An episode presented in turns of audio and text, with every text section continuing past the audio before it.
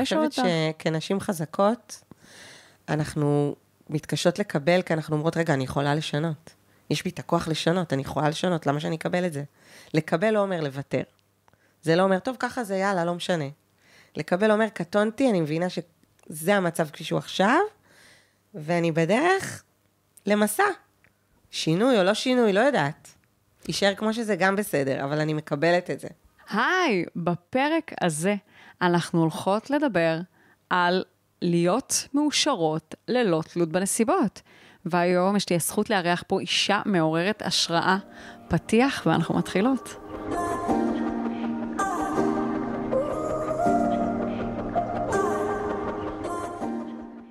ברוכות הבאות לפודקאסט מאישה לאישה מעבירות את חוכמת השבט. בעולם העיר מבוסס תוצאות שמושתת על ערכים זכריים, אנחנו אנשים שמתפקדות על הרבה כובעים, בית, משפחה, עשייה עסקית, קל לנו ללכת לאיבוד, להתרחק מהטבע ומהקול האמיתי שלנו ולשכוח את עצמנו. פעם, אנחנו אנשים היינו נפגשות כמדי חודש באוהל האדום. שם היינו מתכנסות יחד, משתפות ומורידות מהלב שלנו את מה שיושב עלינו. שם היינו גם חולקות ידע ותובנות אחת עם השנייה, ונזכרות בעצמנו. החוכמה הזאת עברה מאישה לאישה, מסבתא לנכדה, מאימא לבת, עד ש... עם השנים, העולם התפתח וחוכמת השבט העתיקה הלכה ונעלמה. והיום, החוכמה והתובנות האלה כבר לא זמינות לנו. הבקשה שלי באמצעות הפודקאסט הזה היא להחזיר את הרע ליושנה, לאחד את השבט הנשי, לאפשר לכל אישה ואישה להיתמך על ידי חוכמת השבט ולקבל את הרפואה, התובנות וההשראה מהשבט הנשי שלה.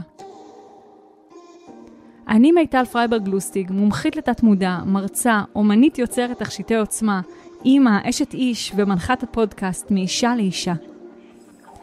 אנחנו הולכות לשמוע כאן נשים עוצמתיות, מאורות השראה, ולדבר על הקשיים, התובנות ופריצות הדרך שאפשרו להן לצמוח בחייהן, כדי שגם את תוכלי להיזכר שמותר לך להיות מי שאת, שאת עוצמתית וחזקה ויכולה להתמודד עם כל אתגרי החיים. מאישה לאישה. יאללה, מתחילות.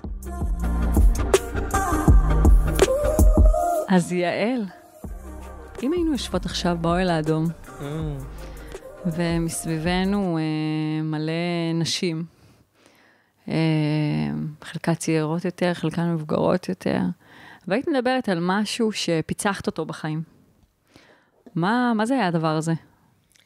אני חושבת שהדבר שהכי פיצוח שלי, ובכלל בעולם, זה להבין שהכל עובד כאן על אנרגיות, ושיש כל כך הרבה מעבר למה שאנחנו רואים וחווים.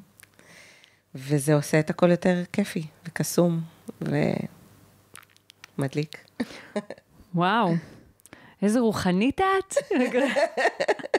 כן, היום אני מוכנה לומר את זה, פעם לא. זה, רוחנית גאה. זה בדיוק, בהמשך למשפט הזה, אני רוצה לשאול אותך אם תמיד היית רוחנית. לא. אה, אני באתי מבית קיבוצניקי, אתאיסטי, שמה שלא מוכח ומדעי לא קיים, ואנשים רוחניים הם דתיים, ודתיים צריכים מישהו להאמין בו כי הם חלשים, זאת אומרת, זה היה הנרטיב. והייתי, את יודעת, ככה חשבתי שזה אין מה לעשות. וכשהתחלתי את הדרך שלי כמאמנת, עדיין מאוד מאוד רציונלית, לפני 18 שנה, 20 שנה, אמ, אז ראיתי רק, את יודעת, חזון, מטרות, דברים שהם קוגניטיביים, מהראש, מחשבתיים, אה, מאוד you can do it כזה. של קואוצ'ינג של שנות ה-80 כזה. ולאט לאט הבנתי שיש פה הרבה מעבר. היה לי התנגדויות לדברים, כי אני לא באתי מהמקומות האלה, אז היה לי קשה להבין את זה, ובאיזשהו מקום פתאום החלטתי שזה עושה לי טוב. ואני לא מחפשת מהי האמת, אני מחפשת שמה שעושה לי טוב הוא האמת שלי. וככה החלטתי שאני מוכנה לקבל את זה, נפתח לי איזה משהו, הייתי פעם בקורס תטא הילינג, וחזרתי עצבנית כל יום, כי התנגדתי נורא, ברגע שאמרו בורא, הרי זה מצווה, אמרתי, אוי, התנתק לי המודם, רק, למה אתם אומרים בורא? כאילו, לא יכולה להכיל את הדבר הזה, אני לא... ואני זוכרת שניר בא לי, שאל אותי, למה שילמנו על הקורס הזה? כאילו, את חוזרת עצבנית כל יום, את מתעצבנת על החומר, ו... ויש שם איזה אה, קטע של סריקת גוף, אמרו לי, תקשיבי, אי אפשר לסרוק אותך, את חסומה. מה? אני לא חסומה, תפסיקו להגיד לי, כאילו הייתי מתעצבנת כזה. ופשוט ירדו לי ההגנות לאט-לאט, והבנתי שרגע, יש פה משהו גדול ממני, חזק ממני, אני רוצה לחקור אותו, מעניין אותי, אני מתמסרת אליו, לא בשביל אה, לראות מה נכון או לא נכון, אלא בשביל מה שעושה לי טוב. זה הפכה להיות האמת שלי. זה הנתיב שלי. איזה מהמם. אז אה, אני אגיד למאזינות שלנו שהיום יש לי את הזכות לארח פה אישה מעוררת השראה. אה, Mm. לפני שהוקלט הפרק הזה, הוקלט עוד פרק בפודקאסט ריפוי עצמי. רק מאיך ש... מהעדים שיצאו מהחדר, אני שם לכם חץ לשמוע גם את הפרק הזה, כמובן שאני הולכת לשמוע אותו. אבל אה, את אישה מעוררת השראה, אחותי. תודה. סבבה? את אה, עשית... אה, בוא נגיד שאני עוקבת אחרייך מרחוק, וקראתי אותך, ואני מאוד התחברתי אלייך גם לפני ששמעתי שריפית את הבן שלך מהגן של האוטיזם, שזה שלעצמו... לא של אוטיזם, של אפילפסיה. של אפילפסיה. כן. אוקיי. מהגן של אפילפסיה. כן. אה, גם אה, לפני ששמעתי את זה, מבחינתי אה, הייתי אישה מעוררת השראה, אבל אחרי ששמעתי את זה, ובטח מישהי שעוסקת בתחום ועושה הרבה עבודה רוחנית שנים, עניין אותי לשמוע באיזה תודעה את מחזיקה. את יודעת, אנחנו בורים את המציאות שלנו באמצעות התודעה שלנו, ואנחנו פה בפודקאסט מדברות הרבה, גם על בריאת מציאות, גם על תודעה, ויושבות פה נשים מעוררות השראה. אה, כי אני מאמינה ש... שככל שאנחנו יותר אה, לומדות אחת מהשנייה, יש דברים שבאמת אנחנו יכולות לקחת וליישם לרווחתנו בחיים שלנו. נכון. אז אני שמחה שאת כאן, אני מודה אני לך. עפה על הפודקאסט הזה, ומאוד אהבתי את הרעיון הזה של מאישה לאישה, כי אני חושבת שלא הבנתי אותו אף פעם. ככל שהדרך התודעתית שלי מתקדמת, אני מבינה כמה אנחנו כנשים בעלות כוח אנרגטי ויכולות, שפתאום אני מבינה את חוכמת השבט וכל מיני דברים שאת יודעת, את לא, את אומרת, אוקיי, זו סיסמה של חוכמת השבט שהייתה פעם, את לא מבינה עד כמה זה חזק, ואת שליחה שיוצרת את ההדהוד הנשי הזה, וזה כל כך מרגש אותי אפילו, ממש ברמות רגש. תודה, איזה כיף. כששמעתי את הפרקים שלך, אמרתי, יואו, איזה כיף, כאילו, ללמוד מחוכמה של, של נשים, זה, זה מרתק. תודה, תודה על הפידבק הזה. תגידי, תציגי את עצמך קצת, אני אוהבת לשמוע, אני, אני כשאני מקשיבה, אני אוהבת אה, לדעת מי אני שומעת. אוקיי, אז עכשיו, אני אומרת, אה, אוקיי, תציגי את הטייטל כן. שלך, עלייך נדבר כן. עוד. למרות שכל כך בא לי להגיד שאני nobody, כאילו, אני, אני בזמן האחרון כל כך במקום הזה של הענווה מרתקת אותי. אה, בעולם הארצי, אני אימא קודם כל לשלושה בנים. וואו. מנקה הרבה את השירותים. הבן הגדול שלי התגייס לא מזמן. מה? כן, די, נו. 18 וקצת. אוי, מי שלא רואה אה. אותה, לכו ליוטיוב ותראו, ולא מאמינה לך שיש לך ילד שהתגייס. 46. אוי, התחלת מוקדם. התחלתי מוקדם. אבל גם נראית ממש צעירה, גם ממש. הכרתי את בעלי מוקדם, כאילו הכל אצלי התחיל מוקדם, התודעה שלי התחילה מוקדם, הכל אה, כזה כנראה נשמה שרוצה לתקתק פה, אמרתי לך מקודם שאני שומעת את הפודקאסט על אחת וחצי, באיזה גיל נפתח לך, דרך אגב, באיזה גיל נפתחה לך התודעה? רק בגיל 30, אבל אה, אני זוכרת את עצמי כילדה, מאוד מאוד אה, מבינה שהכל פה עובד על אנרגיות, וואלה. מאוד אה, סקרנית, אני זוכרת שהבאתי לאימא שלי בגיל חמש ציור, והיא אמרה לי, מה ציירת חמודה? אמרתי לה, את אלוהים, את לא רואה? אז היא אמרה לי, איפה אלוהים? אמרתי לה, הנה, בין השמיים, בקר... בקרניים, ב... מה, איך אלוהים נראה אצלך? אז היא אמרה לי, אצלי אין אלוהים. ופה נפתח לי עולם שלא הבנתי how come. אבל אני זוכרת שהרבה פעמים, זאת אומרת, הייתי מתקרבת לחברות שהן יותר כזה, הרגשתי נעים איתן, מתרחקת מכאלה שהרגשתי שהן לא אמיתיות, שהרגשתי תדרים. כמובן שרק אחר כך הבנתי את זה. אה, אבל הייתי מחוברת לעולמות, בלי להבין שאלה העולמות שהם מרתקים אותי. וואו. וגם כשלמדתי אימון ולמדתי את המקומות התודעתיים והרוחניים יותר, ידעתי שתמיד יש בי את זה. אה, אז אני אימא לשלושה ילדים, ואני מלווה ומאמנת נשים בשלל תוכניות וכל מיני אה, אפשרויות. אה, לשלב רוחניות בתוך הפרקטיקה, כי בסופו של דבר אני באה מפרקטיקה מאוד גדולה, אני אדם פרקטי, אני אוהבת כלים, אני אוהבת לראות איך החוויה האנושית הארצית שלנו פוגשת את החיים ואיך אפשר לפתור את זה בכלים רוחניים. אה, אז אני מלמדת נשים פשוט להיות מאושרות ללא תלות בנסיבות, כי חוויתי בעצמי נסיבות לא פשוטות במהלך החיים, וראיתי שאני יכולה להם. ומצאתי וואו. בעצמי איזה שהם כוחות שאמרתי, וואו, בא לי להעביר אותם הלאה. קטונתי, אני לא יודעת, אני לא בטוחה. אבל ראיתי שזה באמת עזר לאלפי נשים שהיו אצלי ושזכיתי להכיר, וזה נטמע וממשיך גם כשהן עוזבות אותי ולא בקשר איתי 15 שנה, ואמרתי, וואו, יש פה משהו שנועדתי להעביר אותו הלאה. אה, יחד עם ענווה, שכל מה שאני יודעת הוא שאינני יודעת, עם הרצון להמשיך לחקור וללמוד ולהסתקרן, ולהכיר עוד ועוד נשים, ולהיות אה, בפליאה. מאוד מאוד אוהבת להיות בפליאה. איזה אה, כיף זה להיות בפליאה. בדיוק. חוויית חיים אחרת. זה כיף. אז אמרת, התעוררת בגיל 30. מה קרה? אני חושבת שתמיד הייתה בי, היה בי את ההצהרה הזאת, שאני במקום שאני לא נהנית בו, אני לא נמצאת. והבן הקטן, הגדול שלי היה אז בן שלוש, עבדתי באיזה חברת הייטק שלא... כבר התחלתי לאמן, אבל כמו שאמרתי, מאוד שכלתני כזה. עבדתי בחברת הייטק שרדו בי כזה, ולא אהבתי את המקום שלי, והרגשתי שאני חייבת לצאת. והדרך העצמאית שלי התחילה אז, זאת אומרת, התחלתי להיות מאמנת תוך כדי שהייתי שכירה, אבל החלטתי שאני פורצת ואני יוצאת לעצמאות. מאוד לא אופייני לי באותה תקופה. מאוד הייתי צריכה ודאות וביטחון ומשכורת שנכנסת כל חודש, ולא הבנתי בכלל את המשמעות של להיות עצמאית. בכלל לא הבנתי לאן אני הולכת ומה אני עושה, וזה פתח בי משהו. ובקורסי אימון שלקחתי, פתאום נחשפתי גם לקורסים יותר רוחניים. הקורס שלמדתי מלכתחילה היה רוחני, אבל אני חסמתי שם את המקום הרוחני ולקחתי רק את הפרקטיקה, ופתאום ראיתי, פתאום נפתחה לי תודעה אחרת, נפתח לי עולם אחר. ובגיל 31 עברתי מוות קליני בלידה של הבן האמצעי שלי, וזה פתח לי בכלל את העולם הרוחני. ספרי, ספרי על זה, ספרי, ספרי על הדבר הזה, את לא יכולה להתקצוצה כן. במרחב בלי לדבר על זה. אמ, קודם כל, לקח לי זמן להבין שזה מה שחוויתי. אה, חוויתי לידה שהתחילה כלידה רגילה, ובגלל שזה הסתבך, הפכה ללידה קיסרית.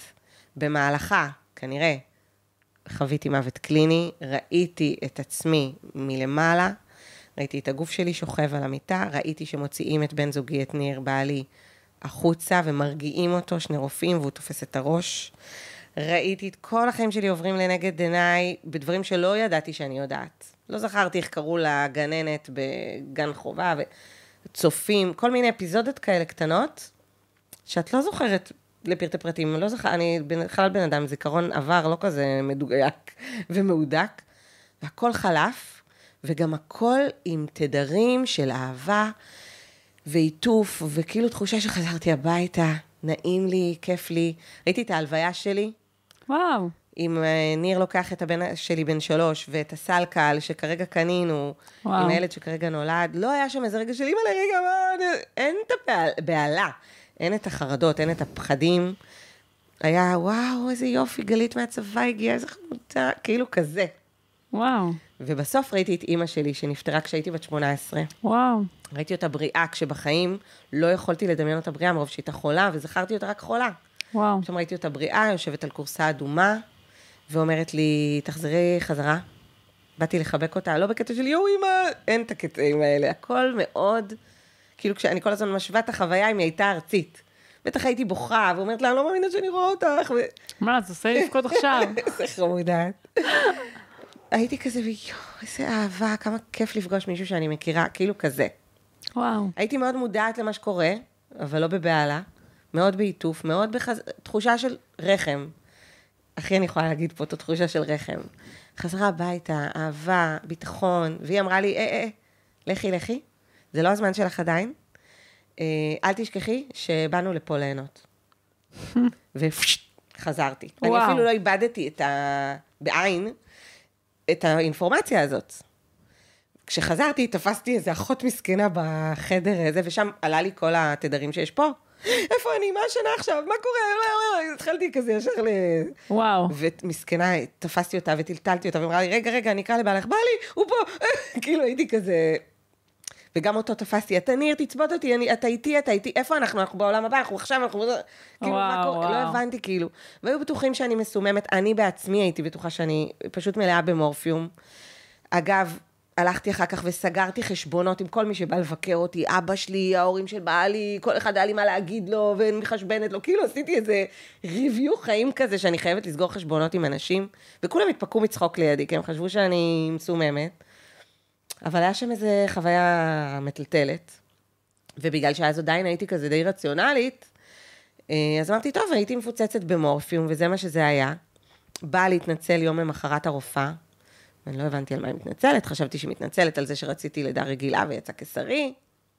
אוקיי. בדיעבד, אה, התיק שלי נעלם, לא, כנראה הייתה שם איזו רשלנות רפואית, אני לא, אין לי הוכחה שזה מה שקרה. רק שנתיים אחר כך, בעקבות פגישה אקראית ביותר בנטוורקינג עם מישהי שמתקשרת, נודע לי שזה מה שעברתי. וואו. אה, פתאום קראתי אה, הרבה סיפורים על אנשים שעברו את אותו דבר. היא גם לא רצתה, אני אמרתי לה אז, עשינו איזו פגישה, והיא אמרה לי, בואי תכירי אותי, ואולי תמליצי עליי. אמרתי לה, תקשיבי, אני לא בקטע של מתקשרות, היום זה נראה לי, זה, אני מתקשרת בעצמי היום. אה, אני, לא נראה לי שאני אמליץ עלייך, כאילו, אז כאילו, לא נעים לי מראש כזה, זה. אז היא אמרה לי, לא נורא, בואי רק ניפגש. היא ידעה. בואי רק ניפגש, והיא הושיבה אותי מול, בחדר המתנה, שלא נראה לי שהוא היה חדר המתנה, אני הולכת לעשות לך תה, בואי רק אה, זה, אצלה בבית. אה, הושיבה אותי מול כתבת ענק של חייל שעבר במלחמת לבנון. אה, מוות קליני, וואו. הוא מספר בול את אותו דבר, שפגש את אבא שלו, ואמר לו, תחזור, תחזור, זה לא הזמן שלך, ואני זוכרת את עצמי, הנה תראי, גם עכשיו יש לי צמרמורת, קוראת אני את זה, כולי מצובררת. קוראת את זה ואומרת, מה קורה כאן? זה מה שקרה לי, זה בול מה שעברתי, כאילו. שלחו לך הדרכה. כן. ואני זוכרת שאפילו לא דיברתי איתה על זה, היא קלטה שאני מבוהלת. הלכתי הביתה, שמעתי איזה מישהו שאמר לי, אני לא זוכרת, איזה חברה אמרה לי, וואי, את חייבת לקרוא איזה ספר, מתה להיות אני. היי. כן. אמרתי, מה זה? תקראי. כאילו, הגיעו אליי מסרים. קראתי שוב אותו חוויה, בול אותו דבר. אמרתי, אימא'לה. קטעים שאני אומרת אימא'לה. זה, זה מה שחוויתי. התחלתי לחקור את זה והבנתי שזה בול מה שחוויתי. התביישתי אפילו מרוב שהייתי רציונלית, ללכת לספר את זה לניר. ללכת ל- לפתוח את זה. אמרתי, אני אפילו לא אפתח את זה מולו, הראשונות שאני מעיזה לספר להם מה חוויתי וגם את הצ'קרה הרוחנית שנפתחה לי, זה המתאמנות שלי. והוא שמע אותי מספרת את זה למתאמנות שלי באיזה וובינר. וואו. ואז הלכתי ואמרתי לו, קשה היה לי להגיד לך את זה. כאילו, מי אני? מה זה, לה לה לנד? כאילו, איפה הזהות שלי? וואו. מי אני? כאילו, את יודעת, זה מפגיש אותך עם כל המקומות של הזהות שלו, אני בן אדם מיושב, רציונלי, אה, זה, זה, זה. נכון, נפתחת למקומות, אבל עד כאן, זה האמת, זה לא, זה כזה. זה פתח לי פשוט עולם אחר, ולאט לאט, קודם כל הייתי גם בדיכאון אחרי לידה, לא מאובחן, אבל היה לי מאוד קשה לחזור מהחוויה הזו לחוויה ארצית של פיפי וקקי, שגם ככה לא אהבתי, ללא קשר לחוויה, את המקומות האלה, האימהיים של הינקות, אני קוראת לזה התקופה הנוזלית, שאת פיליפינית. אני לא אוהבת אותה. עד היום לא. שרופה עלייך, שאת פיליפינית. כן, כן, לא אוהבת את תמשיכי. התקופה הפיליפינית. אני כנראה ספיריט של חופש, ולא הכינו אותי לזה שהאימהות לוקחת ממך חלק גדול מהחופש. אה, היא לא חייבת לקחת היום, אני יודעת, זה עניין תודעתי, אבל חוויתי הרבה קושי במקום הזה. בהתחלה, כשעידו שלי, אגב, נולד הגדול, אז דווקא אמרתי, איזה כיף, אני מתמסרת לתפקיד המדהים הזה, ואני הולכת להיות עקרת בית כל החיים, אני נהנית מכביסה, כביסה, ריח של כביסה, אני אוהבת כביסה. אחרי תשעה חודשים אמרתי, אני זוכרת שתפסתי את ניר, אמרתי, כמה אפשר שוב את העיגול לעיגול, ריבוע לריבוע, משולש למשולש, די, אני לא יכולה יותר, אני חייבת לדבר עם אנשים מעל גובה מטר, אני לא יכולה יותר, אני לא יכולה יותר, וככה הבנתי שזו תקופה שהיא, שהיא יותר קשה לי. ואז לח- לחוות את זה, אחרי שחוויתי את העיטוף והאור והאהבה הזאת, ממש היה לי קשה לתפקד. וואו. אה, עד כדי כך שחודש אחרי הלידה עברתי איזה ניתוח בשד, כי גילו לי איזה גוש, ואימא שלי נפטרה מסרטן שד, אז וואו. אני ממש זוכרת את עצמי מיטלטלת, ב- יאללה, קחו, תעשו ניתוח, לא יודעת איפה קוראים לי, לא, כל כך לא מחוברת לעצמי, כל כך לא יודעת מה, מה העניינים ומה קורה, בטח ובטח עם העסק שהיה לגמרי בקרשים ולא מתופעל. אה, אבל זה גרם לי להתפתח ולראות את הדברים באור אחר ובפרופורציות ו- ולחקור אנרגיות ולהבין שאנחנו, מה שאמרתי בהתחלה, אנחנו הרבה מעבר למה שאנחנו יודעים וחווים, בזכות החוויה המדהימה הזאת. איזה מרתק, את יודעת, גם לי יצא לי לפגוש uh, מתקשרת שאמרה לי שחוויתי מוות קליני. וואלה. Uh, אני התעוררתי בגיל 32. הייתה לי חוויה של הערה. הייתי uh, אז uh, בשיא האומללות בחיי, עורכת דין, ממורמרת, מנותקת מעצמי, uh, עם בן זוג רואה חשבון, מלא מלא חרדות, כאילו, במרחב שלנו, וואו. כסף, כל כן. שני בלילה, ממש מחקתי את עצמי עם סמים, כאילו, וואו. מנותקת פצצות. אה, ואז אה, פשוט יצאתי במסע חיפוש אחרי האושר. איך? איך החלטת שאת יוצאת? זה היה, אה, זה היה בצוק איתן, בדיוק סיפרתי על זה היום בכנס שהשתתפתי בו. אה, כנס שהנושא שלו עוברים לקדמת הבמה. אני כאילו כל כך מחוברת וואו. למסר הזה. אה, זה היה השיא של החרדות שלי, כאילו הגוף שלי צרח, אני, היה לי מלא דלקות גרון, זה וואו. הביטוי שלי, כאילו, כן. בקטע שהרופא, משפחה שלי אמר לי, מיטל, תקשיבי, אני לא רושם לך עוד אנטיביוטיקה, וואו. כי האנטיביוטיקה לא עוזרת לך, לכי תטפלי בנפש שלך. מדהים. כן, לא מובן מאליו. לא. וואו. יש, יש בעיה, כאלה. כאילו. כן. ואז אה, זה היה בצוק איתן, הייתי עורכת דין, היה לי משרד עורכי דין, לא יכולתי לשווק את עצמי כי גרתי באזור הדרום, וכאילו ב- היה בלאגן באזור הדרום. התחלתי להקשיב לכנסים, וובינארים, כאילו בחיפוש אחרי דרך לשווק את העסק שלי, ואז אה, אה, נת, כל מיני מרצים נתנו כרטיסים במתנה לכל מיני כנסים, והגעתי לכנס BSB, שעל פניו היה אמור להיות כנס מכירות, שיווק, כן. של דניאל אה, דוידסון כן. ולירון מור, וישבתי שם וואו. וקלטתי שיש עוד מלא אנשים שמרגישים כמוני, ושאני אה, לא מצליחה בחיים שלי, כי יש לי כפתור, אני קוראת לזה כפתור השמדה מעל הפופיק, שכשהוא לחוץ אני מטומטמת, של אני לא מספיק טובה. וואו. שהערך העצמי שלי נמוך, על וואו. אף העובדה שעל פניו אני נחזית כבעלת ביטחון, ובגלל זה אני מכבדת לעצמי. ומשם זה התחיל, כאילו וואו. הצטרפתי לתהליך שלו, ולא היה לי שמץ של מושג למה אני הולכת לגלות. ותוך כדי התהליך, לא, בדיוק היום סיפרתי על זה בכנס, מעניין שזה עולה שוב. תקשיבי, זה הזמן הזה, זה קרה כן. בראש השנה, אני התעוררתי וואו. בראש השנה.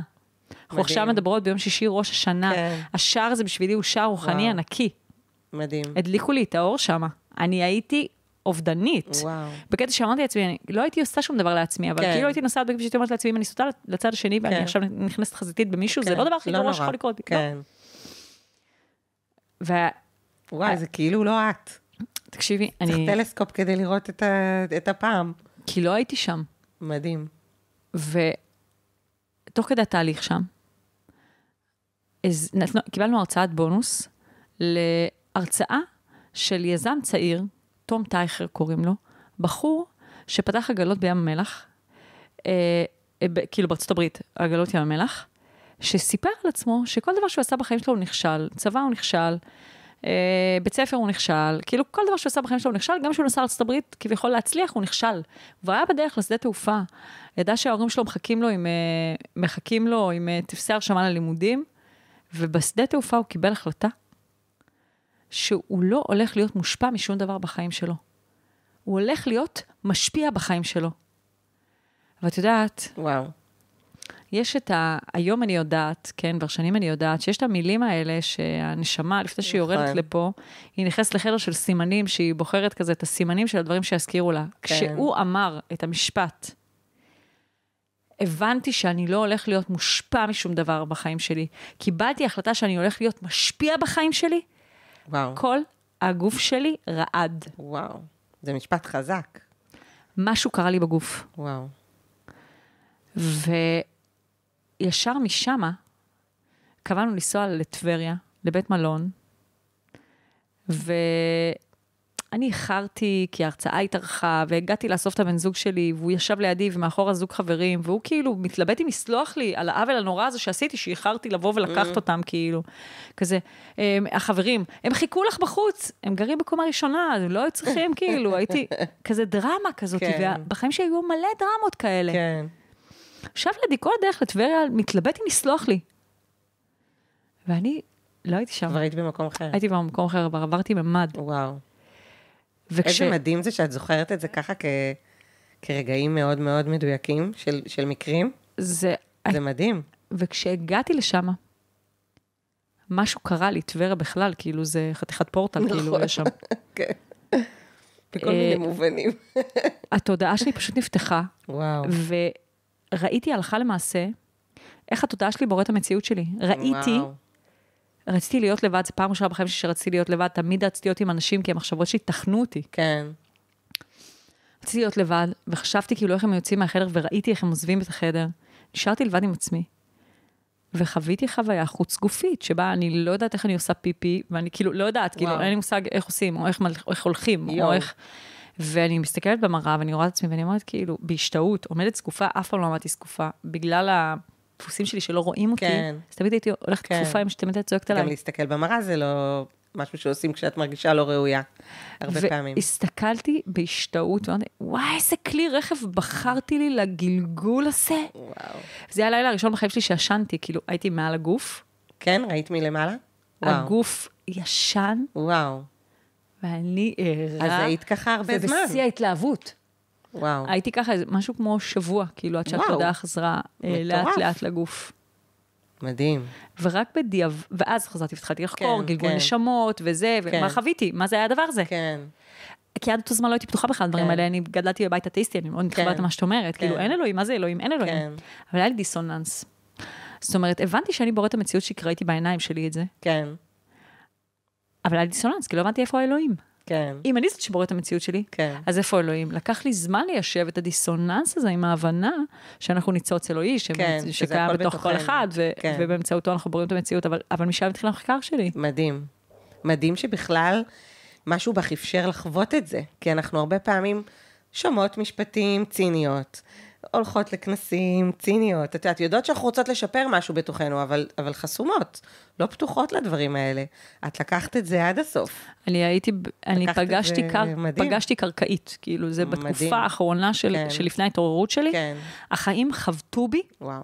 חזק, כן, ב, ברמה שכאילו כבר הייתי על הרצפה, לא כן. היה לי כאילו כן. מה להפסיד. כן. אבל יש הרבה אנשים שאין להם מה להפסיד ולא ידעו להשתמש בניצוץ הזה ש... שנגלה אלייך. אני חושבת שזה זה המון את. אני לא רוצה לאיים, אבל אני רק אגיד שיש מצב שהם אולי לא פגשו את הקרקעית, כאילו, בלי להפחיד, כן. כן? אבל גם אפשר לבוא כן. בטוב. נכון. כאילו. לא, באמת, לא חייבים תמיד שתהיה. תראי, אני קוראת לזה ככה, אני קוראת לזה ניגודיות. לא תמיד אתה תקבל את מה שאתה רוצה, זה יהיה מנוגד, אבל סבל הוא לא, הוא לא חייב להיות. לא חייב להיות סבל בחיים שלנו. הסבל נובע מזה שאנחנו מתנגדים למה שמנוגד, למה שאנחנו לא רוצות. אני רוצה לשאול אותך, אז את בעצם לקחת את הכלים של, של מה שלמדת ועל מה שהבנת, והכנסת לתוך החיים שלך. גם אני מאוד מתחברת לזה כן. שאני מלמדת מהלכה למעשה, כאילו לקחת את, הר, את הרוח ולייצר באמצעותה בחומר. כן, ואת כל החיים שלי הצבתי כמו פסל שלוקח כאילו וואו. איזמל ופטיש, כן, ומעצב את הזוגיות, כן. ומעצב בדיוק, ממש. בדיוק. אה, וזה כלים שאני מלמדת, וזה כלים שאני משתמשת בהם, וכאילו באמת אני, בהודעה ענקית, אני, אם לא היו לי הכלים האלה, אני לא הייתי עוברת, בטח לא השנה האחרונה בחיים שלי, את יודעת, אני לא יודעת אם את יודעת, אבל אני ילדתי את, נערור כן. במצרים, כאילו. וואו. מטורף. אנחנו נשים שעשינו דברים גדולים בחיים שלנו, כן. ברמה שלי, אה, אבל באמת אלוהים לא מעמיד אותנו במבחנים שאנחנו לא, לא יכולים לעמוד בהם. כן. אבל איך את אה, מתעוררת, או איפה פגשה אותך הבשורה של הילד שלך יש אה, אפילפסיה, או דברי. קחי אותנו, אותנו לרגע הזה של ה... תראי, אני אה, חוויתי כל מיני דברים בחיים שגרמו לי לראות שיש בי את הכוח לחוות את זה ולהיות בטוב. אה, הייתה לי לידה שקטה לפני תשע שנים, וואו. אה, עם בת אחרי שני בנים, את יודעת שאת. כאילו רואה איזה חלום של הוורוד שאת רוצה לקנות, ודידידי. וחודש שמיני, לידה שקטה. וואו. ושם הייתה לי גם איזה פוסט-טראומה חיובית. זאת אומרת, הייתי עצובה ובאמת כואבת, ותחזירו לי את מה שלקחתם לי, ואת כל מה שחלמתי, ואת כל הזה. אבל בבסיס שלי גם חוויתי איזה משהו של יואו, אני בסדר. אני, בס... אני בקבלה, אני בסדר. ופתאום אמרתי, יואו, כל הכלים שלי, של כל מה שאני מלמדת, באים הלכה למעשה במ- במקומות הכי קשים האלה. ואימא שלי נפטרה, ומוות הקליני, וכאילו, את יודעת, כל דבר אפשר לכתוב ממנו סיפור. היום אני גם יודעת שיצרתי את הדברים האלה. אה, אולי כדי להראות, בעיקר לעצמי, כמה אני נהדרת, שתראו, לא משנה מה, הכל אני זה, עוף החול. חמודה. נופלת כמה, נופלת כמה. אבל היום אני יודעת שאני לא חייבת את זה. אז כבר הגעתי בלידה של הבן שלי, אחרי, ש... אחרי שהיה לי לידה שקטה, היו לי איזה שמונה הריונות עם הפלה. וואו. ובאיזשהו שלב אמרתי לניר, טוב, הבנתי, יאללה, שני ילדים, שלום. נורא רציתי ילד, אחרי שכבר הייתי בטוחה שאני לא רוצה. אה, וטוב, שחררתי. וכמובן שאז נכנסתי להריון שהחזיק את עצמו, ונולד אייל. הייתי בתודעה מאוד מאוד מאוד גבוהה. מאוד מאוד, הרגשתי שאני על גג העולם. מלא דברים, יצרתי מציאויות בכל הרמות. לא הייתי בדרמות, אני בכלל טיפוס לא דרמ... אני כן דרמטית, אבל אני לא חרדתית, אין לי, היסט... כאילו אני לא היסטרית, אני כאילו מאוד שלווה, ב... מאוד בקבלה, בבילד אין, חשבתי שאני בקבלה. בדיוק כשדיברנו עם דן בפודקאסט השני, הבנתי כמה עוד קבלה יש לי לקבל. אמ, ואז הוא נולד, והייתה התעלות של אושר עילאי. ש... מה, וואו, כמה אני... זמן הפרש בינו לבין אה, עידו? אה? עידו זה 12 שנה הוא הגדול, ותשע שנים עם אריאל. והם גם היו כמו עוזרים קטנים, ואת יודעת, זה היה כאילו... וואי, תשע שנים הייתי מקמיעה? כן. וזה, ועוד אחרי לידה שקטה שהייתה עוד קודם, אז כאילו אמרתי, וואו, זה מדהים. אמ, ואז בגיל ארבעה חודשים זיהינו איזה תנועות כאלה שהיה לו כשהיינו מחתלים אותו. אמ, ואני, אני, בגלל שאני לא בן אדם חרדתי ואין לי את המקומות האלה, אז אמרתי, טוב, מה, מערכת עצבים לא בשלה, תינוק, יאללה, ילד שלישי, את יודעת. אה, סיפרתי לדן שהלכנו לאיזה רופאת משפחה, והיא אמרה לי, תקשיבי, דחוף נוירולוג. אז יצאתי משם וצלצלתי לניר, ואמרתי לו, אוף, נפלנו על רופאה היסטרית, נוירולוג, נוירולוג, כאילו, אני לא שם, את מבינה, אני אין לי את ה... זה לא מפעיל אצלי אף סוויץ', אין לי את הדבר הזה. עד היום אני אומרת לעצמי לפעמים, יעל, תתעוררי, אולי צריך להחליף לו תרופה, את יודעת, כל מיני כאלה שכאילו, קצת חרדה, קצת היסטריה זה טוב, קצת תתעוררי ואל תישנתי, כאילו. אני לא שנתי במובן הזה שאני בן אדם מאוד מסודר, ממוקד, יודע, אבל בדברים הנפשיים, הרגשיים, אני, אני כזאת משוחררת. וואו. אולי גם בזכות כל הדרך שעברתי. to make a long story short, בגיל חצי שנה, אה, בעקבות חיסון, זה בכלל לדעתנו קרה בעקבות חיסון שעלת. כבר בהיריון היה לי איזה רטט, כי מקבלים את השעלת בהיריון. אה, אני מהקונפורמיסטים שלא שואלים שאלות אז, היום אני יודעת קצת יותר לשאול שאלות, אה, וזה כנראה הוציא משהו שאולי היה יוצא בכל מקרה. קטונתי, לא יודעת, לא מספיק מבינה בזה, אבל נתתי עוד חיסון, זה החמיר מאוד ברמה של אי אפשר להגיד שהרופאה היסטרית, והלכנו לבדיקות, ופשוט 70 אחוז מחולי האפילפסיה הם מאוזנים, ואנחנו נפלנו על ה-30 אחוז שלא, הם עמידים לתרופות, הם לא, אין שום דבר שמאזן אותם. Uh, to make a long story short, הילד היום כמעט בן שבע, ניסינו 18 תרופות, קנאביס רפואי, דיאטה קטוגנית, שום דבר לא עזר, הילד ממשיך לפרכס, הוא מפרכס רק כשהוא ישן, תמיד אחרי שהוא נרדם, 20 דקות אחר כך על השעון, על הדקה, מתחיל פרכוס. היו זמנים של פרכוסים מאוד קשים, זה פשוט לראות את הילד שלך מתחשמל, וואי. ממש. היום אני, אני והילדים שלי, אנחנו כבר, את יודעת, זה חלק מהחיים שלנו, אנחנו לא מתרגשים מזה, אבל ההתחלה הייתה אבאלה. וכשהוא קטן, כשהוא תינוק, אז הוא כל הזמן ישן. אז הוא נרדם, 20 דקות, מפרכס. הוא גמור מזה, נרדם, 20 דקות, מפרכס. נרדם, מפרכס. וואו, איזה כל קשה. היום, כל היום. והרופאים אומרים לך, תשמעי, תנסי תרופה הזאת, תשמעי, תנסי את התרופה הזאת. כאילו, הם לא יודעים כלום. ואני מתחילה להבין שאני בא לי לחקור את המקום הזה של אה, ריפוי. אני מבינה שיש לנו פרופסורית שהיא מומחית מספר אחת בעולם, שמגיעים אליה מאוסטרליה ולונדון ומכל איפה שאת רוצה, והיא אומרת לנו, זה, אפילפסיה זה התחום הכי נחקר בחקר המוח, אבל אנחנו לא יודעים כלום. ולא מזמן היא גם אומרת לנו, הגענו לקצה של אין לי יותר מה להציע לכם. יש איזה סוג של קוצב לב שאפשר לשים, והוא שולח פולסים למוח בזמן פרכוס, כשאני מפעילה עם שלט. אמרתי לה, לא בא לי על זה, זה לא מרגיש לי אינטואיטיבית, נכון? תעצרי. אה, ברמה כזאת שבאמת היינו אצלה פעם אחרונה לפני שנה בערך. ואני פשוט מחליטה לחקור את הדבר הזה.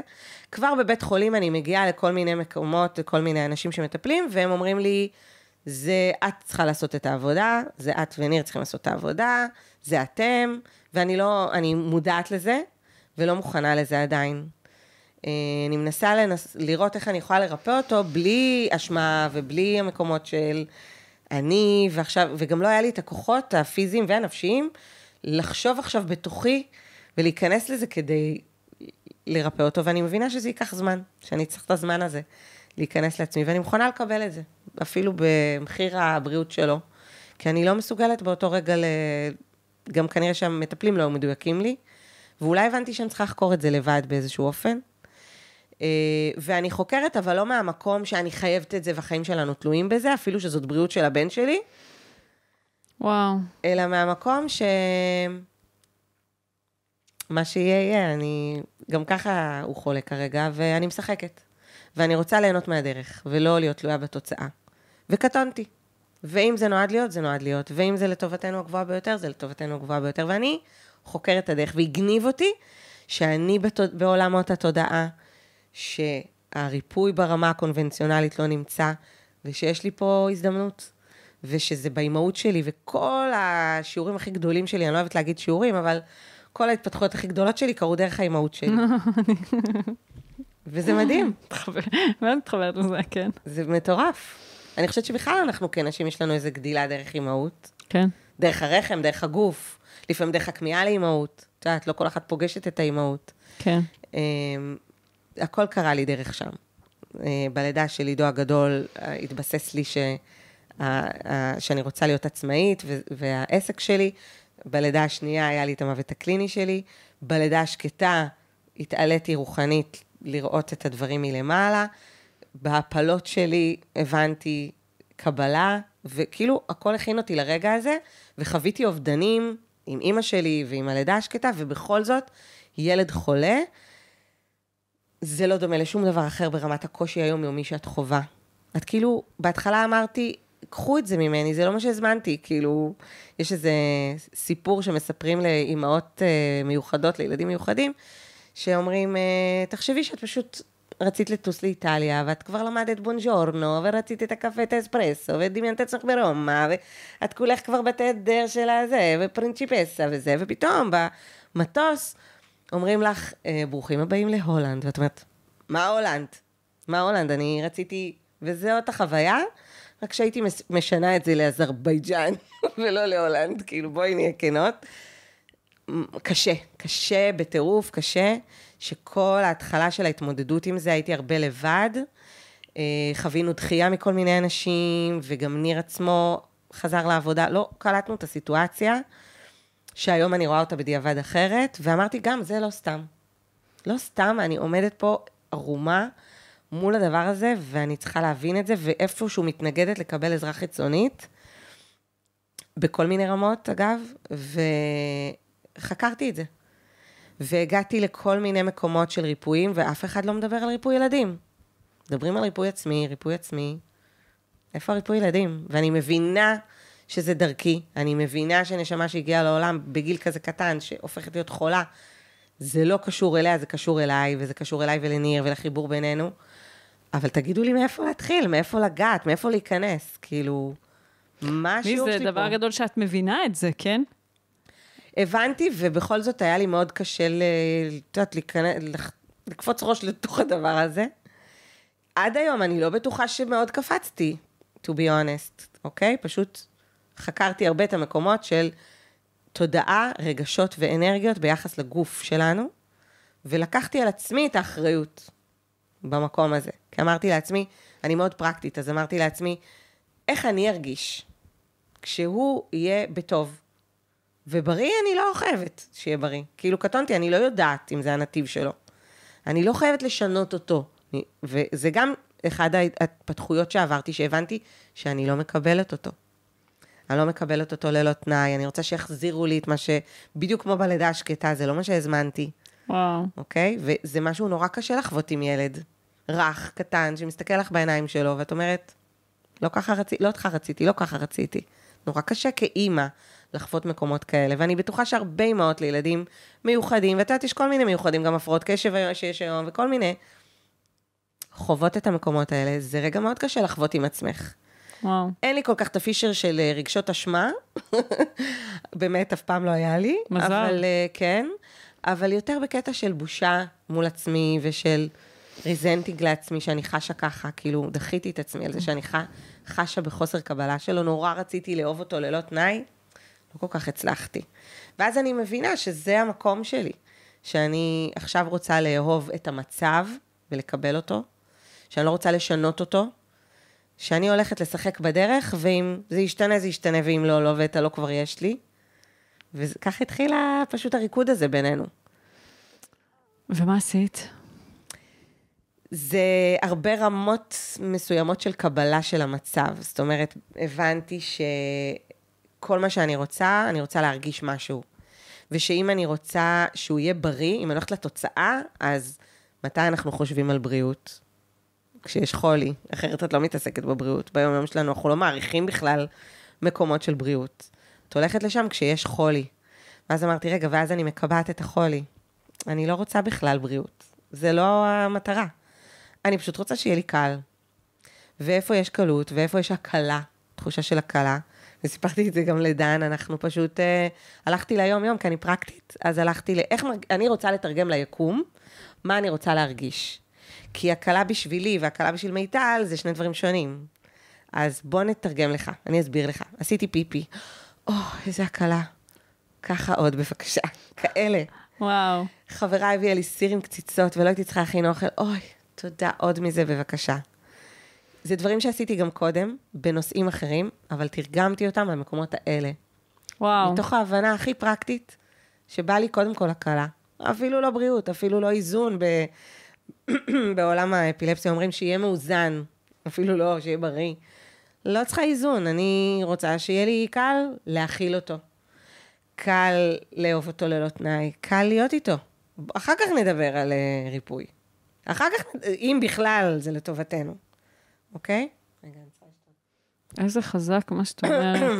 זה ממש, אה, את יודעת, דברים שאני מלמדת אותם, ובעיקר בשערים של שינוי. כשאת רוצה לייצר שינוי בחיים שלך, ואת כרגע מונחת באיזשהו מקום, כל זמן שאת מתעסקת בבריאות, אז באמת את uh, על הפוקוס על החוסר, כי הוא לא קיים. בדיוק. אבל אם את רוטטת ליקום, משהו שאת רוצה, שאת לא יודעת איך הוא נראה, או לא התגבשה הצורה שלו, כן? אין לך מושג.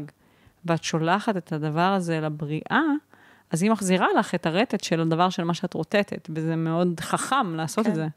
אני פשוט חושבת שהכל משחק של פוקוסים, וברגע שהסטתי את הפוקוס 30 מעלות ימינה, להקלה ולקלות ולפשטות ולשגרה, אמרתי, רגע, מה אני רוצה? אני רוצה שגרה. אז פתאום כל כביסה הפכה להיות הרבה, תמיד הרצתי כביסה, בקטע מדיטטיבי שהצילה אותי מההורות הזאת שלא אהבתי, ש... שאני פיליפינית. אז הלכתי לעבודות הבית, ועשיתי מיינדפולנס דרך עבודות הבית, ואמרתי, או, זה מעניין. זה מעניין אותי, אני מוכנה לזה. אה, אבל פתאום כביסה קיבלה מקום אחר. כאילו, זאת השגרה. איזה שגרה ברוכה. הבגדים גדלים, הצבעים, הריחות, אומ, מגניב. כזה. הקול שלי מתחיל ללכת. מעניין. בקיצור, אמ, לקחתי את זה למקומות האלה, וחקרתי את המקום של אהבה. את הכוח של הלב הפיזי שלנו, את התדרים שלו, את היכולות של לב ושל אהבה, לעשות יצירת מציאות, לעשות פלאים. כי בסוף כל דבר שאנחנו רוצות, אנחנו רוצות להרגיש משהו. ואני רציתי שהוא יהיה בריא כדי שלי יהיה קל. אני רציתי שהוא יהיה בריא כדי שאני אוכל להתעסק גם בענייניי, ושיהיה לי חופש. אנחנו בענייני חופש. אז uh, פשוט הייתי במקומות האלה, אבל אמרתי, זה עובר דרך אהבה. אהבה לרצונות שלי החמודים, ולעצמי, איזה חמודה אני שאני רוצה שיהיה לי חופש, איזה חמודה אני שאני רק רוצה הקלה. מאוד ממש. הבאתי לעצמי כזה חמלה. איזה חמודה אני שאני לא אוהבת ללא תנאי, ואני נורא רוצה, אבל אני לא. אבל אני מקבלת את עצמי ככה. אלה מקומות נשיים ורקים שתמיד היו לי, אבל באו במאוד עוצמות מול הדבר הזה. Uh, עד היום אני, את יודעת, לפעמים מתווכחת עם המציאות, מאוד קשה לראות אותו, היום הוא עם אוטיזם, הוא התחשמל כל יום במשך שש שנים, uh, התפתח אוטיזם, לראות אותו במצבים שהוא בעולמו, הוא מדבר, והוא ילד אהבה, והוא מאוד מאוד שמח, אבל יש רגעים שהוא נכנס לעולמו, ומאוד קשה לי. וואו. מאוד קשה לי גם לקבל אותו ככה, אני מיד רוצה, כאימא, את מיד רוצה לשנות. מיד רוצה להוציא אותו מזה, את מיד רוצה לא, בוא, בוא, בוא איתי, בוא נלך לחדר, בוא נשחק, בוא. והוא לא, והוא לא רוצה. אה, ו- וזה הרבה מאוד אה, ניואנסים קטנים של קבלה. קבלה לא אומרת, טוב, זה המצב, יאללה, זה מה יש, אלא קבלה אומרת, אני אפילו מבינה למה המצב הזה הגיע אליי, ואני אוהבת אותו, ואני אפילו מקדשת אותו, כי אני נוכחת כאן להתבונן ולהסתקרן, וליהנות מהדרך בלי קשר לתוצאה, ול, ולנתק את, ה, את החיים שלי, את, החיים שלי לא תלויים בבריאות שלו, או שלנו. אני נהנית מהדרך, קטונתי. הרבה ענווה זה הכניס לי לתוך, ה, לתוך העולם. אמ, היה, שם, היה איזה רגע שהוא עוד פרקס, ואמרתי לניר, תקשיב, אני מרפאת את הילד הזה, אני, אני בדרך קסומה, התחלתי לשמוע תכנים של דוקטור ג'ו דיספנזה מארצות הברית, מאוד הסביר לי מדעית את דברים שכבר עשיתי, תודעתית. זה הגניב אותי, שיש הכל מוכח מדעי, התחבר לי לבית האתאיסטי שלי, של להוכיח את הדברים שידעתי שקיימים.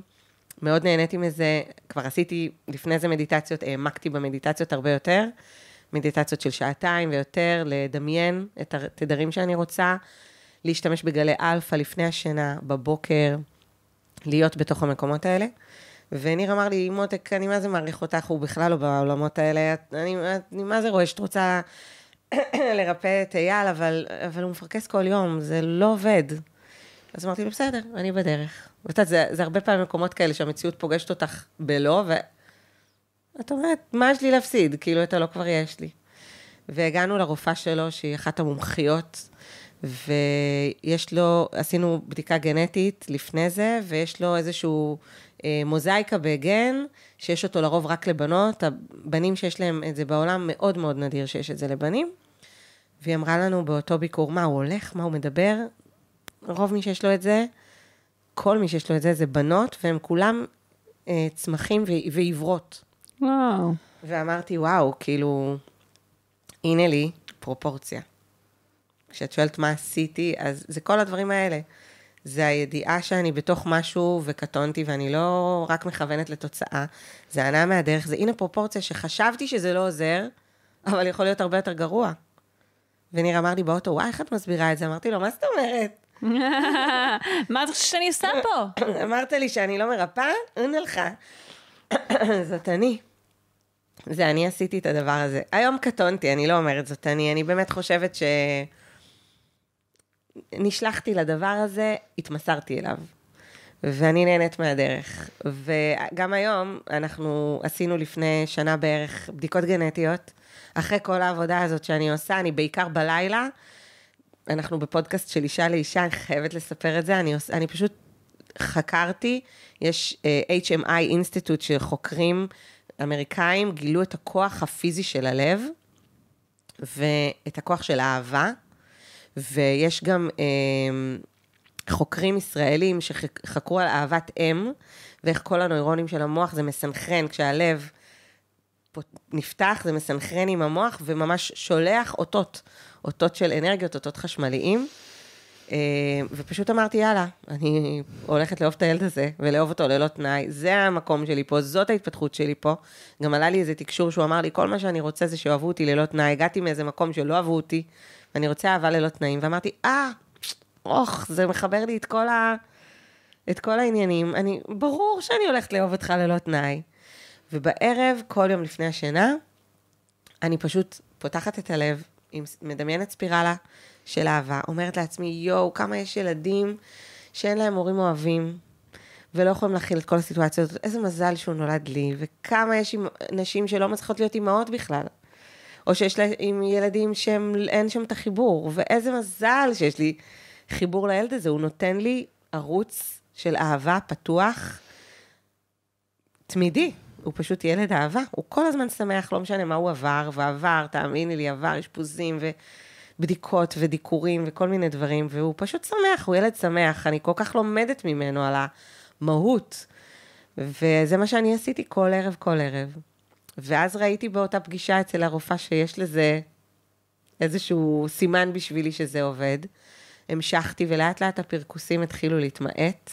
הפסקנו לו דיאטה קטוגנית שהוא היה בה שש שנים על דעת עצמי.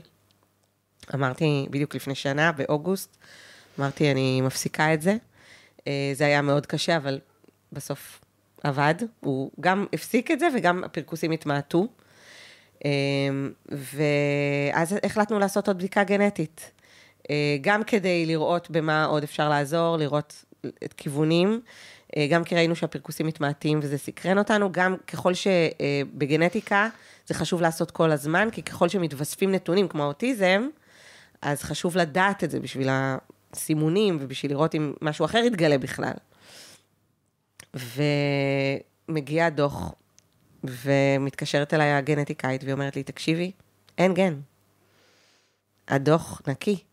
על הנייר הילד הזה בריא. אתם רואים את מה שאתם רואים בעיכוב ההתפתחותי של מה שקרה, אז גם באותה תקופה עוד היה קצת פרכוסים. ראינו שהם מתמעטים. אבל היא אמרה, על הנייר, הילד הזה, אין לו כלום, הוא בריא לגמרי לגמרי. וואו. ואני ידעתי שזה בזכות העבודה האנרגטית שאני עושה. ומה זה אנרגיות? זה רגשות. וזה הלב. וזה החיבור הבלתי אמצעי הזה בין נשמות ובין אנשים. וההבנה הזאת שקטונתי, אני פה חלק ממשהו הרבה יותר גדול.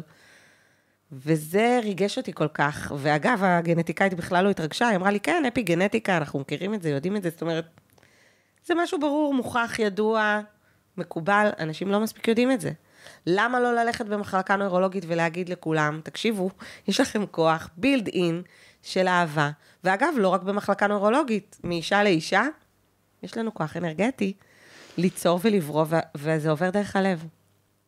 איזה מדהים. מי אם לא נשים, אנחנו מעבירות דברים דרך הלב. רק שהרבה פעמים הלב סגור ופגוע ופצוע, כי אנחנו לוקחות ללב. אימא שלי, אגב, נפטרה מסרטן שד מרוב שהיא לקחה ללב. וואו. היא לקחה כל הלב, היא כל הזמן נעלבה ונפגעה, וחשבונות והשוואות, לקחה, לקחה, לקחה ללב, עד שדי. וואו, איזה סיפור. מעורר השראה. מטורף. אנחנו קרובות לסיום הפרק הזה, לצערי, אני אזמין אותך לעוד פרק. אין ברירה. אני רוצה... יש לנו כמה דברים לסיום, והנה אנחנו כבר על החמישים. אמ, יש מי שמקשיבות לנו, אני חושבת שהסיפור הזה הוא מעורר השראה, כי באמת אפשר לקחת אותו לכל מקום, לכל תוצאה שאת רוצה לייצר בחיים שלך. בדיוק. ומעורר השראה בעיניי, באמת המקום הזה, כמה זה שיעור חזק, השיעור של קבלה. כאילו, לקבל נכון. את המצב כמו שהוא, כמה קשה לנו לעבור המון פעמים דרך השלב נכון. הזה, שהוא הכרחי לריפוי, הוא הכרחי לשינוי. נכון. אה, לשחרר את התוצאה, זה, זה חומר נורא חזק. רוצה לשאול אותך? אני חושבת שכנשים חזקות, אנחנו מתקשות לקבל, כי אנחנו אומרות, רגע, אני יכולה לשנות. יש בי את הכוח לשנות, אני יכולה לשנות, למה שאני אקבל את זה? לקבל לא אומר לוותר. זה לא אומר, טוב, ככה זה, יאללה, לא משנה. לקבל אומר, קטונתי, אני מבינה שזה המצב כפי שהוא עכשיו, ואני בדרך למסע. שינוי או לא שינוי, לא יודעת. יישאר כמו שזה גם בסדר, אבל אני מקבלת את זה. אה, יש לי חברה שאני מרגישה שהפרק הזה הוא בשבילה. אני רוצה לשאול אותך, יש נשים שמקשיבות לנו, ויכול להיות שהן עוברות אורח, מה שנקרא, פעם ראשונה שהן שומעות מאישה לאישה, והן לא ישמעו יותר לא אותי ולא אותך, לא יתחברו, וזה בסדר. ויש לנו הזדמנות להשאיר אותן עם משהו, אולי זרע שינבוט, ו- ואולי לא, הכל בסדר. כן. אני רוצה לשאול אתכם איזה מסר היית רוצה להשאיר אותן. אני חושבת שבאנו ליהנות. וזה הופך את הכל קצת יותר פרופורציונלי, גם כשקשה לנו בחיים. כל דבר שאנחנו רוצות הוא בשביל להרגיש משהו. אם אני רוצה זוגיות, או כסף, או הגשמה, או התפתחות, הגשמה, לא משנה מה. אה, אני רוצה להרגיש משהו. אם אני רוצה להרגיש משמעותית, או רוצה להרגיש חופש, או רוצה להרגיש עניין. ואם אני אלך ואחפש את העניין הזה כבר עכשיו בחיים שלי, ואני אתחיל להדהד אותו, ואני אהנה מזה, אז החיים שלי יתחילו להיות יותר פשוטים. ובסוף הכל פשוט כאן. ככל שנבין את זה, יהיה יותר קל. וזה חלק מהכיף. יותר קל. מדהים. ויש את מי שמסיימות להקשיב לפרק הזה ואומרות, וואי, יעל, איזה אישה מעוררת השראה, אני רוצה עוד ממנה, אני חייבת עוד ממנה עכשיו. איך אפשר לצרוך עוד? יש לך פה עוד מעט אה, יצורון חמוד. יש לי ילד שבא עד לדלת. עד לדלת. עוד שנייה, לי כואב בזה. אמ, יש שלל ערוצים, אנחנו בטח נכניס איזה לינקים שם כן, בזה, כן, אבל כן. בגדול יש לי פודקאסט שנקרא פשטות הקיום. אה, וואו. עם אה, אה, רצועות קטנות של החיים שלי ומידע מתוך ה... מידע רוחני מתוך הדברים שעברו עליי בחיים, עם קצת מעבר גם ברמות הרוחניות. אני רוצה לחדש אותו ולחזלש אותו, אז הוא בטח יקום לתחייה. אה, כמובן, יש ערוץ יוטיוב, ויש אינסטגרם, ויש פייסבוק, קהילה בפייסבוק שנקראת להיות מאושרת ללא תלות בנסיבות. וואי, מדהים. אה, ואת יודעת, מי שרוצה תמצא. מדהים. להיות מאושרת ללא תלות בנסיבות. כן, אני רושמת את זה זה. אפשרי. אה, אז כן, אני אשמח... אה, תודה שאירחת אותי, מיטל. חכי, חכי, את עוד לא הולכת. אני רוצה להזמין אותך לשלוף קלף, אה, מסר נכון. במאישה, מקלפי מאישה לאישה. נכון, ממש, ממש תכף הם יהיו זמינים לרכישה. כן, כן, לגמרי. וואו, הגישה שלך משנה את הוויברציה שלך ואת כולך, ואת כולך שיר מתנגן שניתן לכוון. זוהר בר שלום. וואו, איזה מדויק, יש לי צמרמורת. וואו, בול, אפילו ברמת המילים Hmm, של ויברציות. ממש. זה גישה, אז ואיזה יופי של תמונה. איזה כיף, ואישה. אישה מהממת. וגם אני רוצה לתת לך מתנה, יואו, זה בשבילך. אהובה אחת. התכשיטים שלך. תכף כשאני אצא החוצה, אני אתן לך את המסר של, של התכשיט. אה, מה כיוונת שקיבלת... או שמה שיצא, יצא. לא, לא, זה כל... אה, אני אגיד שכל מי שיושבת כאן, אני מאתרת אותה בהגילי. האלה. אה, את יודעת, תכשיטי עוצמה הם תכשיטים מתודרים, שמאפשרים לנו, בעצם, הם משפיעים על השדה האלקטרומגנטי שלנו. על הלב שלנו. על השדה האלקטרומגנטי של הלב. של הלב. של הלב. והתדר של האלה, הוא מחבר אותנו לחוכמה של התהליכיות. וואו. בדיוק לפרספקטיבה. הזאת, בול. ש- שמאפשרת את הקבלה, שמאפשרת להתרחק. מהתמונה, שרואה את התהליכיות. אני רואה את הכל פה, את הלב, את האדוות, את החיבור, את ההשראה. יואו, תודה. באהבה. איזה מרגשת את. איזה באהבה. כיף. אני תכף אתן לך את המסר שלה, ואז תוכלי. לקרוא. וואו. אז אני רוצה לסכם את הפרק הזה. איזה אהובה את. אני רוצה לסכם את הפרק. הזה.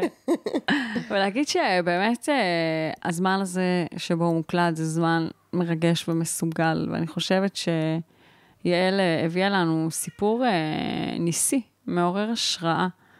של, אה, של הדברים שאנחנו יכולות לעשות שהם מעל הטבע.